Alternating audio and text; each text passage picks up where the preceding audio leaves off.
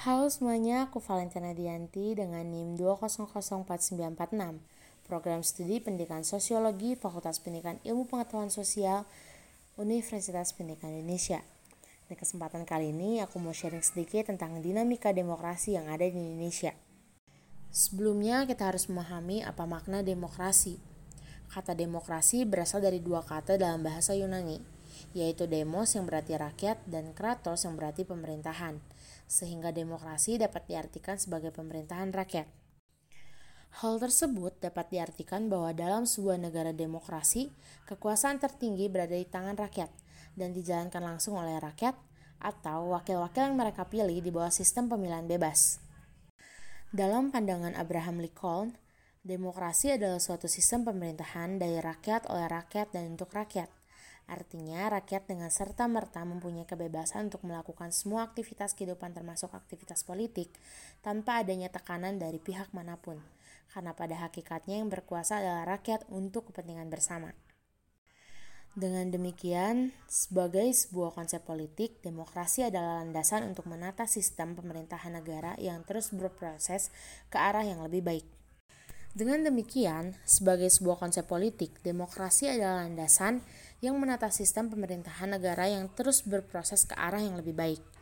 Dalam proses tersebut, rakyat diberi peran penting dalam menentukan atau memutuskan berbagai hal yang menyangkut kehidupan bersama sebagai sebuah bangsa dan negara. Kebebasan dan demokrasi sering dipakai secara timbal balik, tetapi keduanya tidak sama. Sebagai suatu konsep, demokrasi adalah seperangkat gagasan dan prinsip tentang kebebasan yang juga mencangkup seperangkat praktik yang terbentuk melalui sejarah panjang dan sering berliku-liku. Pendeknya, demokrasi adalah pelembagaan dari kebebasan. Artinya, kebebasan yang dimiliki rakyat diatur dan diarahkan oleh lembaga kekuasaan yang sumber kekuasaannya berasal dari rakyat dan dijalankan sendiri oleh rakyat sehingga kebebasan yang mereka miliki dapat dilaksanakan secara langsung dan bertanggung jawab dan tidak melanggar kebebasan yang dimiliki orang lain. Klasifikasi demokrasi dibagi menjadi tiga bentuk. Yang pertama berdasarkan titik berat perhatiannya yang terdiri dari demokrasi formal, demokrasi material, dan demokrasi gabungan. Yang kedua berdasarkan ideologi yang terdiri dari demokrasi konstitusional dan demokrasi rakyat. Lalu yang terakhir yang ketiga berdasarkan proses penyaluran kehendak rakyat yang terdiri dari demokrasi langsung dan demokrasi tidak langsung. Selanjutnya kita akan membahas tentang prinsip demokrasi di Indonesia. Bagi bangsa Indonesia, pilihan yang tepat dalam menerapkan paham demokrasi adalah dengan demokrasi Pancasila. Paham demokrasi Pancasila sangat sesuai dengan kepribadian bangsa yang digali dari tata nilai sosial budaya sendiri.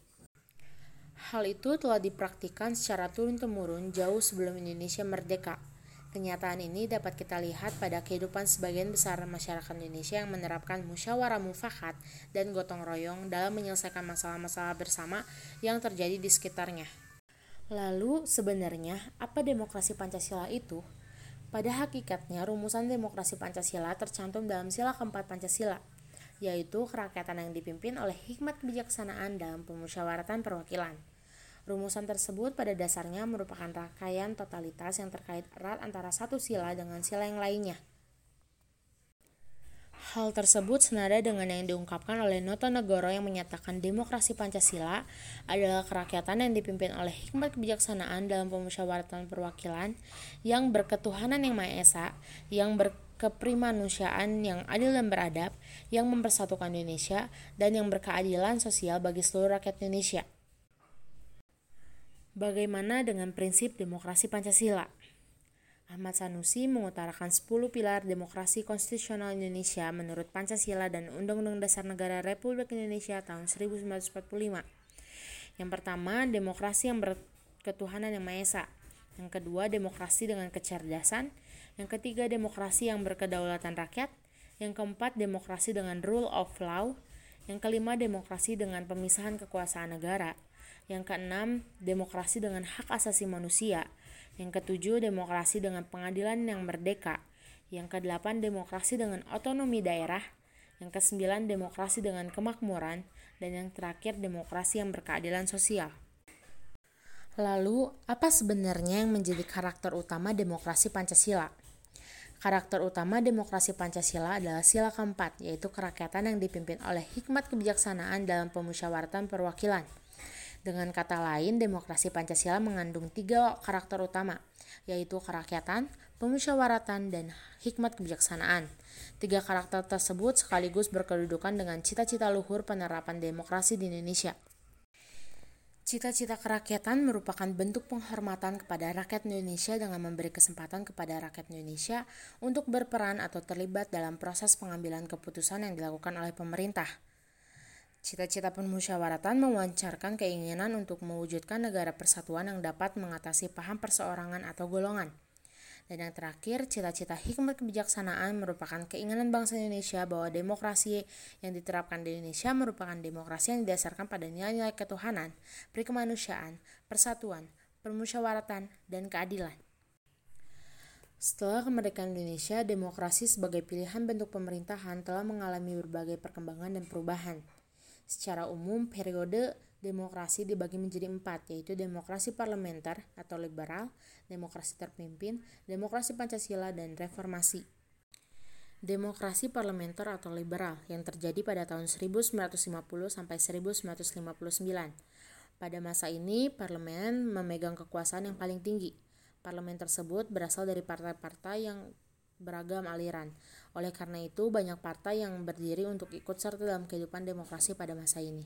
Selanjutnya, demokrasi terpimpin yang terjadi pada tahun 1959 sampai 1966. Demokrasi pada masa terpimpin ditandai dengan kekuasaan presiden yang absolut di tangan Presiden Soekarno. Kekuasaan lembaga lain pun menjadi lemah dan dikuasai oleh presiden. Selanjutnya, demokrasi Pancasila atau Orde Baru yang terjadi pada tahun 1966 sampai 1998. Pada masa ini, kekuasaan presiden sebagai kepala negara dan kepala pemerintahan sangat-sangatlah tinggi, serta tidak adanya pergantian kekuasaan politik yang ditandai dengan berkuasanya Presiden Soeharto selama lima periode. Pada masa ini juga hanya satu partai yang berkuasa, yakni Partai Golkar. Kemudian yang terakhir, demokrasi pada masa reformasi. Demokrasi pada masa reformasi menghapus kesalahan-kesalahan pada penyelenggaraan demokrasi di masa yang sebelumnya kebebasan berpendapat juga kembali dilaksanakan pada masa ini. Lalu, apakah ada tantangan demokrasi pada masa kini?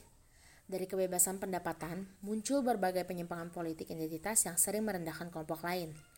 Hal tersebut tentu mencederai asas demokrasi sebagai pemerintahan yang menampung segala kelompok.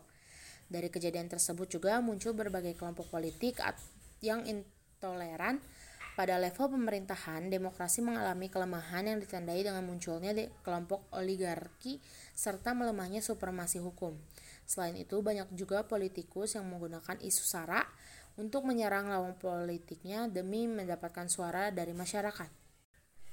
Oke teman-teman, segitu aja penjelasan yang ingin aku share. Eh, semoga bermanfaat buat teman-teman semuanya. Salam.